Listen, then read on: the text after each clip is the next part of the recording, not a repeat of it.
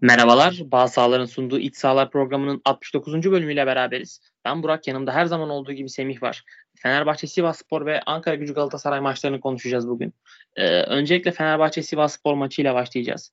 Ee, Fenerbahçe artık Şampiyonlar Ligi'ne veda etti diyebiliriz. Bundan sonrasında sadece bir Avrupa Ligi umudu var ama onda biraz zor gözüküyor. Ee, Sivasspor'a karşı alınan 2-1'lik bir mağlubiyet. Ee, Semih aslında çok klasik bir e, Fenerbahçe maçı izledik. Yine e, stoperde stoper olmayan bir oyuncu e, yapılan hata e, bariz gollerle yenen hatalar e, 2-1'lik bir mağlubiyet. E, sen e, öncelikle bu e, Fenerbahçe'nin bugünkü e, savunma hattıyla ilgili ne düşünüyorsun? O zaman en klasik maçlardan biri oldu Fenerbahçe için. Yine savunma hattının merkezinde orijinal savunma olan bir oyuncu yok, stoper yok. Yine e, Jason'dan sonra Ozan'ın geçtiği bir maç oldu. E, Jason geçen hafta Gençler Birliği'ne karşı başlamıştı. Felaket bir 20 dakika sonrasında. E, Ozan geçmişti. Bu maçta da benzerini gördük. Ya pardon bu maçta da Ozan oynadı. O da çok kötüydü. Sanki Jason'un kopyası bir performans izledik. E, gollerde direkt etkisi var. İlk golde offside'i bozması sonra penaltı yapması ardından Kone'nin bomboş kaleye kaçırdığı pozisyon vardı. Orta açılmıştı ona. Onda adamını kaçırmıştı. İkinci golde de e, uzun topta pozisyon alamaması, adamı kaçırması. İki golde de onun hatasını gördük. Tabii ki stoper olmadığından dolayı ağır eleştirmek doğru olmaz tabii ki. E, pozisyon alma bilgisinde, alanı rakibi kontrol etme bilgisinde ciddi sorunlar olduğunu gördük. E, Jason'a çok benzer sorunlar bunlar. Cenk ve Gürkan da düşünülmüyor. Demek ki onlar hazır değil. Hocayı eleştirmek de sanıyorum çok haklı olmayacak. Tam bir sezon özeti oldu bu karşılaşma. Kesinlikle öyle. Ya ben zaten Cenk ile Gürkan konusundan teknik ekibi eleştirmeyi çok doğru bulmuyorum abi e, bütün sezon onlarla geçiren, e, hafta içi onlarla beraber olan e, teknik ekip Emre Belezoğlu. Yani e, belki Cenk'le Gürkan atıyorum hayatları boyunca hiç PTT birincilik seviyesine bile gelemeyecek oyuncular. Yani bu konuda bizim hiçbir fikrimiz olmadığı için e, şu anda hani fikri olan biri eğer onu, onu genç takımda düzenli olarak izlemiş biri konuşursa e, tamam ben okey yani katılırım ama hiç izlememiş insanların bu konuda yorum yapması bana biraz saçma geliyor. E, Ozan'ın hatalarına değindim. Bence bu arada e, ikinci golde Ozan'dan daha çok Altay'ın hatası var. Çok geç terk etti kale, kaleyi. Yani kulüp bürüş maçında Tolga Zengin'in yaptığı bir hata vardı kadraja. 10 saniye sonra falan girmişti. Altay da öyle. Yani Altay çıkacak alacak diye e, beklerken topu Altay'ı e, Emre Kılıç topa vurduğunda gördük neredeyse. O çok e, göze battı. Altay Bayındır hani fena bir çizgisi yok aslında ama yine e, gol yediren bir hata yaptı bu maçta. E, onun dışında abi e, Fenerbahçe'de Ömer Faruk Beyaz'ı ilk defa ilk 11'de gördük. E, sen onu nasıl gördün? Buldun daha doğrusu.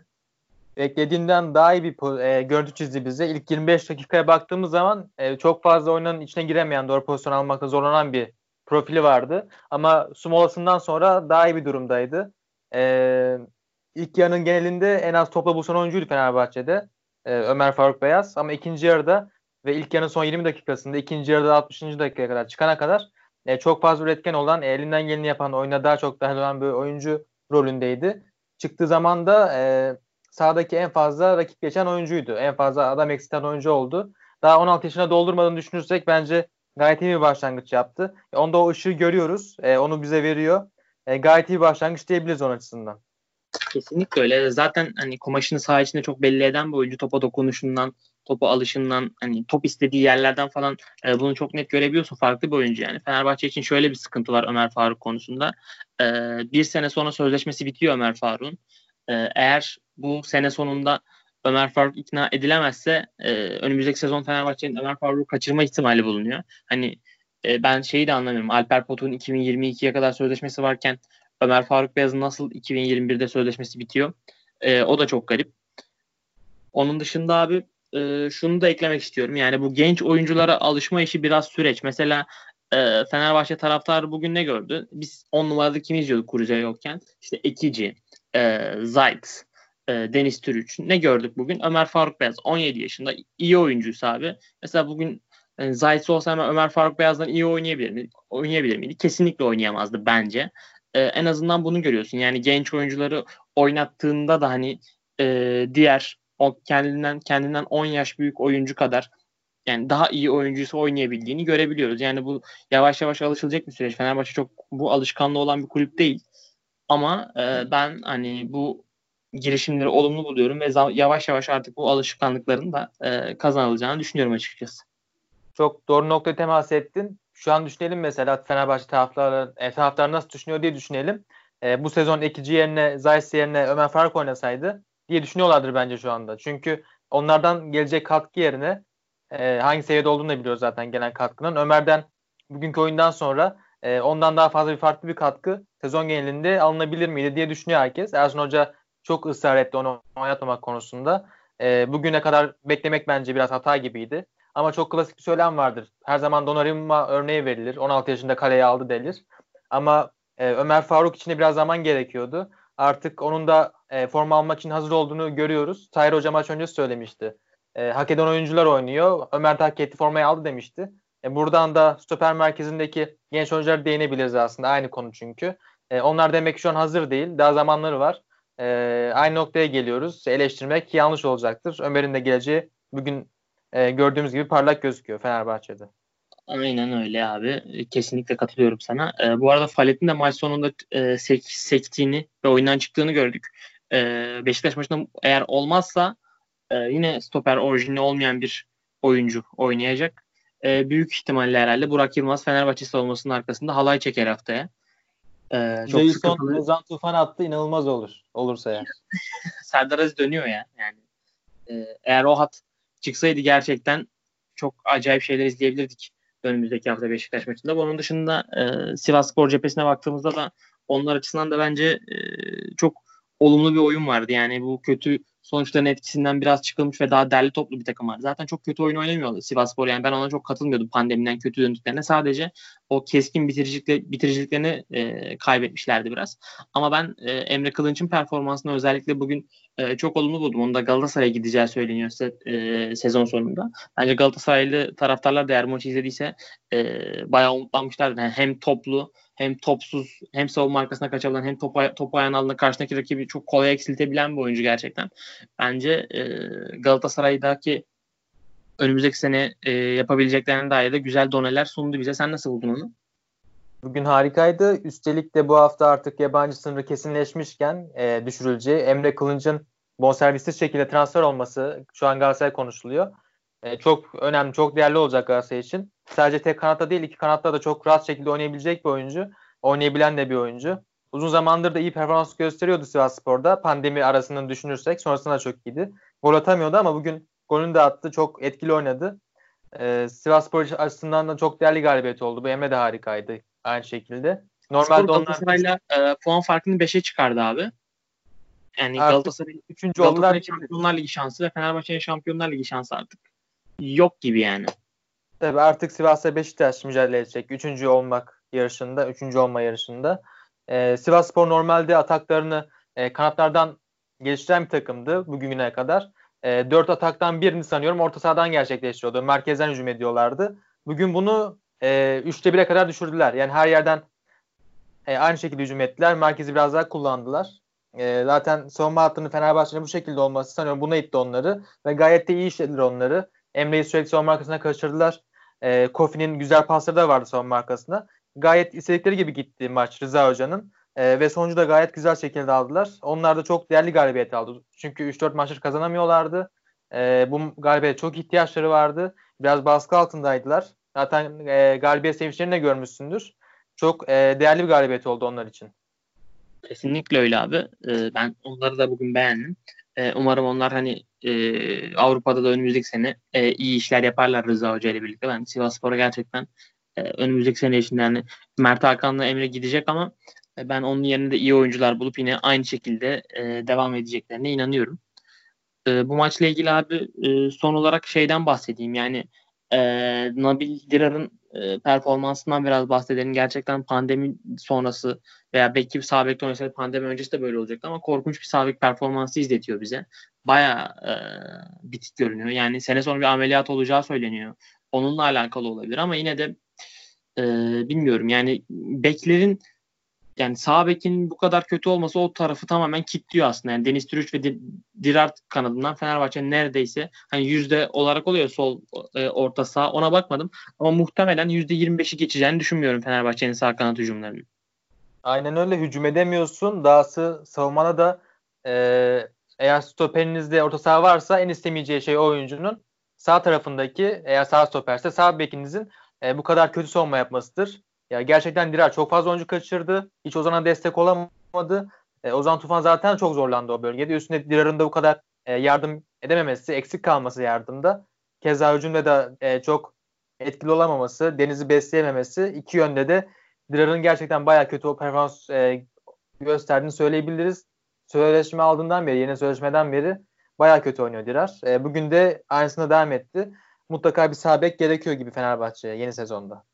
Yani en az bir, evet minimum bir gerekiyor ama bu isim de bence Gökhan Gönül e, olmamalı diye düşünüyorum. Çünkü zaten hani bir sabekin 34 yaşında, diğer sabekin de 33-34 yaşında bir insan olunca hani e, Gökhan Gönül zaten çok sezon başın sezon başında hani 34 maç oynamayacak bir oyuncu kesinlikle. En fazla 25 maç oynar Fenerbahçe'de önümüzdeki sene gelse bile. E, oraya da normal e, hani e, maksimum 27-28 yaşında sağlıklı, e, dinamik bir bek e, Fenerbahçe için kilit e, bir transfer olur Kesinlikle. eğer olursa. E, bu maçla ilgili abi eklemek istediğin farklı bir şey var mı? Hayır, yok. Ee, o, bu Ankara Gücü Galatasaray maçını konuşalım. Ee, Ankara Gücü 1-0'lık bir galibiyet aldı. Galatasaray'ı e, Başakşehir maçında, Trabzonspor maçının 40 kırmızı kart bölümüne kadar, Alanyaspor maçının e, neredeyse 60 dakikasında gayet beğenmiştik. Ama bu maçta e, tamamen artık e, mental olarak e, dağılmış bir Galatasaray gördük. Çok kötü bir oyun vardı sahada. E, sen bunu e, neye yansıtıyorsun? Sence oy, oyuncu eksiklerinden dolayı mı yoksa artık takımın e, kafaca sezonu kapatmış e, ol, olduğunu mu düşünüyorsun? E, şampiyonluk yarışındayken Galatasaray e, tabii ki kesinlikle bir odak noktaları vardı ama üst üste gelen e, alınan mağlubiyetlerden sonra puan kaybından sonra takım artık dağılma noktasına gelmişti. Bugün de son noktası oldu bence bu. Çünkü pandemi sonrasında hatırlayalım. E, önemli sakatlıklar yaşandı takımda. Ama e, ikinci maçta Başakşehir maçında zirveydi bu. Oyunu oynayan bir takım vardı. Ezberini tazelemiş bir takım vardı. Ama zaman geçtikçe en iyi oyuncuların olmamasıyla birlikte takımda maç kazanmaya kazanamaya e, geçen geçen maçta Alanya maçında ilk 45 felaket bir takım vardı. İkinci yarı e, Belhanda'nın son çizgiye geçmesiyle etkili oynayan bir takım vardı. Bugün de 90 dakikanın tamamında çok kötü bir takım vardı. E, bu takımın oyun ezberi de artık siliniyor. E, takımdaki oyuncuların e, konsantrasyonu tamamen dibe vurmuş durumda. E, böyle olduğu için de Belhanda da ben hiç bugün anlamadım. Niye sol çizgide kullanılmadı? Alanya maçında harikaydı. E, oyun içindeki tercihlerle birlikte tamamen dibe vurmuş bir takım var. E, 94-95 sezonundan beri 26 sezon oldu. E, Galatasaray ilk kez 8 maç üst üste kazanamadı. Bu tarihi bir veri. Çünkü bunun e, galibiyet serisinden sonra gelmesi benim için çok çarpıcı bir veri. E, Galatasaray 6-7 maç üstte kazanmış. Pardon 8 maç kazanmıştı üstte sanıyorum. Ardından 8 maçtır kazanamıyor. Normalde bunun birini görürüz biz bir sezon boyunca. Şimdi ikisini birden aynı anda görüyoruz. E, bu olacak iş değil. Çok garip bir şey. E, bunu oyuncu eksikleriyle açıklamak çok zor. E, taktiğini nasıl yansıtıyor dersek yansıtıyor Galatasaray. Oyunu da iyi oynuyor zaman zaman. Bugün çok kötüydü ama bu 8 maçlık bölümde çok kötüler miydi dersek değillerdi. Ama bir türlü o kaliteli bitiricilik olmayınca e, Adem'in kaçırdığı golleri de hatırlıyoruz son maçta Alanya maçında. Galatasaray bir türlü şansını kıramadı. Şanssızlığını kıramadı. E, üst üste böyle sonuçlar alınmış oldu. Takım, takımdaki e, konsantrasyonla dibe vurunca üst üste kötü sonuçlar geldi. Artık Şampiyon Ligi yarışından da kopmuş oldular tamam. E, kesinlikle öyle abi. E, maça Ömer Bayram'ın sağda Belanda'nın solda başladığını gördük aslında. E, Ömer Bayram e, sağ kanatta çok verimsiz olunca yani Ömer Bayram zaten e, dönüşleri vesaire yavaş olan bir oyuncu ve sağ kanatta içeriye çekerek hiç oynayamadı. E, böyle olunca Fatih Terim de 30. dakikada Ömer Bayram'ı sola tekrar Belanda'yı sağa çekti. E, ama yani çok da bir şey fark etmedi aslında çünkü e, zaten Galatasaray'da hani e, ön taraf birbirine benzeyen oyuncu profillerinden e, kuruluydu. İşte Emre Akbaba, Belanda, e, Ömer Bayram yine çok driblingi olan hızlı bir oyuncu değil. E, Adem Büyük yine çok e, benzer benzer bir oyuncu, çok hareketli bir oyuncu. Ha, hareketli bir oyuncu aslında bugün çok hareketli oynamadı. Ben bugün e, Taylan'ın daha farklı bir performans ortaya koymasını beklerdim. Yani e, aslında Taylan'ın orta sahada atacağı birkaç topsuz koşu, birkaç dribling e, çok Galatasaray için kritik olabilirdi ama Taylan'ın mesela bir pozisyonda e, Ömer Bayram'ı soldan kaçırdı hem de rakibine sarı kart aldırttı bir, bir driplingle. Ama onun dışında çok sorumluluk almadı. Yani bu haftalar aslında Taylan'ın önümüzdeki sene e, rotasyona girmesi için önemli haftalar. Taylan'ın biraz daha kendini göstermesi gerekiyordu bence. Ben Taylan açısından biraz hayal kırıklığına e, uğradım. Onun dışında abi e, Emin Bayram'ın hatasından yenen bir gol var. E, o da bugün çok iyi performans gösteremedi. Tabii e, ilk defa e, ilk 11'de sahaya çıkan bir oyuncu. Onu çok e, eleştirmemek lazım. Sen onu nasıl buldun bugün? E, bugün ona ekstra büyük yüklendi. Fatih Hoca kaptan olarak çıkardı sahaya. 9 yıldır takımda olduğunu söyledi. E, ve takımdaki en eskiler kaptan yapılır. Onu da onur etmek istedik demişti. Biraz ağır yük oldu, yük oldu denebilir. Ama bence o pas hatalarında yaptırdığı penaltıda e, kaptanının da pek etkisi yoktu. Bunlar tecrübe hataları, tecrübesizlikten kaynaklı hatalar. Zaman zaman olur böyle şeyler, böyle gelecek. Ozan da böyle gelişmişti. Penaltı yaptıra yaptıra bir noktaya gelmişti. Artık yaptırmaya başlamıştı. Bu maçlarda Emin için büyük fırsat. E, onu bu kumaşı hissettiği için Fatih Hoca, herkes hissettiği için Başakşehir maçında da harikaydı. Bugün iyi oynayamadı. E, ama böyle maçlar doğaldır. Zamanla gelişecektir. Ben ondan bayağı umutluyum. E, o yüzden de bugün biraz kaptanlıktan dolayı biraz yük binmiş olsa da bence genel anlamda kabul edilebilir performanstı. Tayland da bence e, hem etkili oynayamıyor, istediği oyunu oynayamıyor, takımın ondan beklentisini karşılayamıyor hem de serinin omzuna çok yük bindiriyor. Çünkü Lemin olduğu zaman e, seri bu kadar e, geniş alanda oynamak zorunda kalmıyor. Savunmaya da yetişmek zorunda şu anda hem de hücuma da çıkma, çıkarmak zorunda takımı. İki alanında çok e, kullanmak zorunda kalıyor. Ondan ona destek gelmeyince Taylan'la Emre Akbaba'dan yeterince destek gelmeyince seri gerçekten çok e, bir geniş bir alan tutmak zorunda kalıyor. O yüzden Taylan'ın biraz daha kendini geliştirmesi gerekiyor. Artık onun için çok büyük fırsat oldu. E, yabancı sıralamasının gelmesiyle birlikte. Ama şu performansı bile e, süre alması için pek yeterli değil gelecek sezon. Onun artık bu maçlarda zirve yapması lazım performansının. Ama e, henüz tutarlı bir performans gösteremiyor olumlu anlamda. E, zaman zaman 5-10 dakikalık bölümlerde iyi oynuyor. E, maçın genelinde pek iyi oynayamıyor. Bugün de benzerini gördük. E, tek aklında kalan Emre, Emre'ye verdiği bir pas vardı. Cihaz sahasına giriş yapmasını sağlamış Emre'nin. Onun haricinde parlak değildi performansı.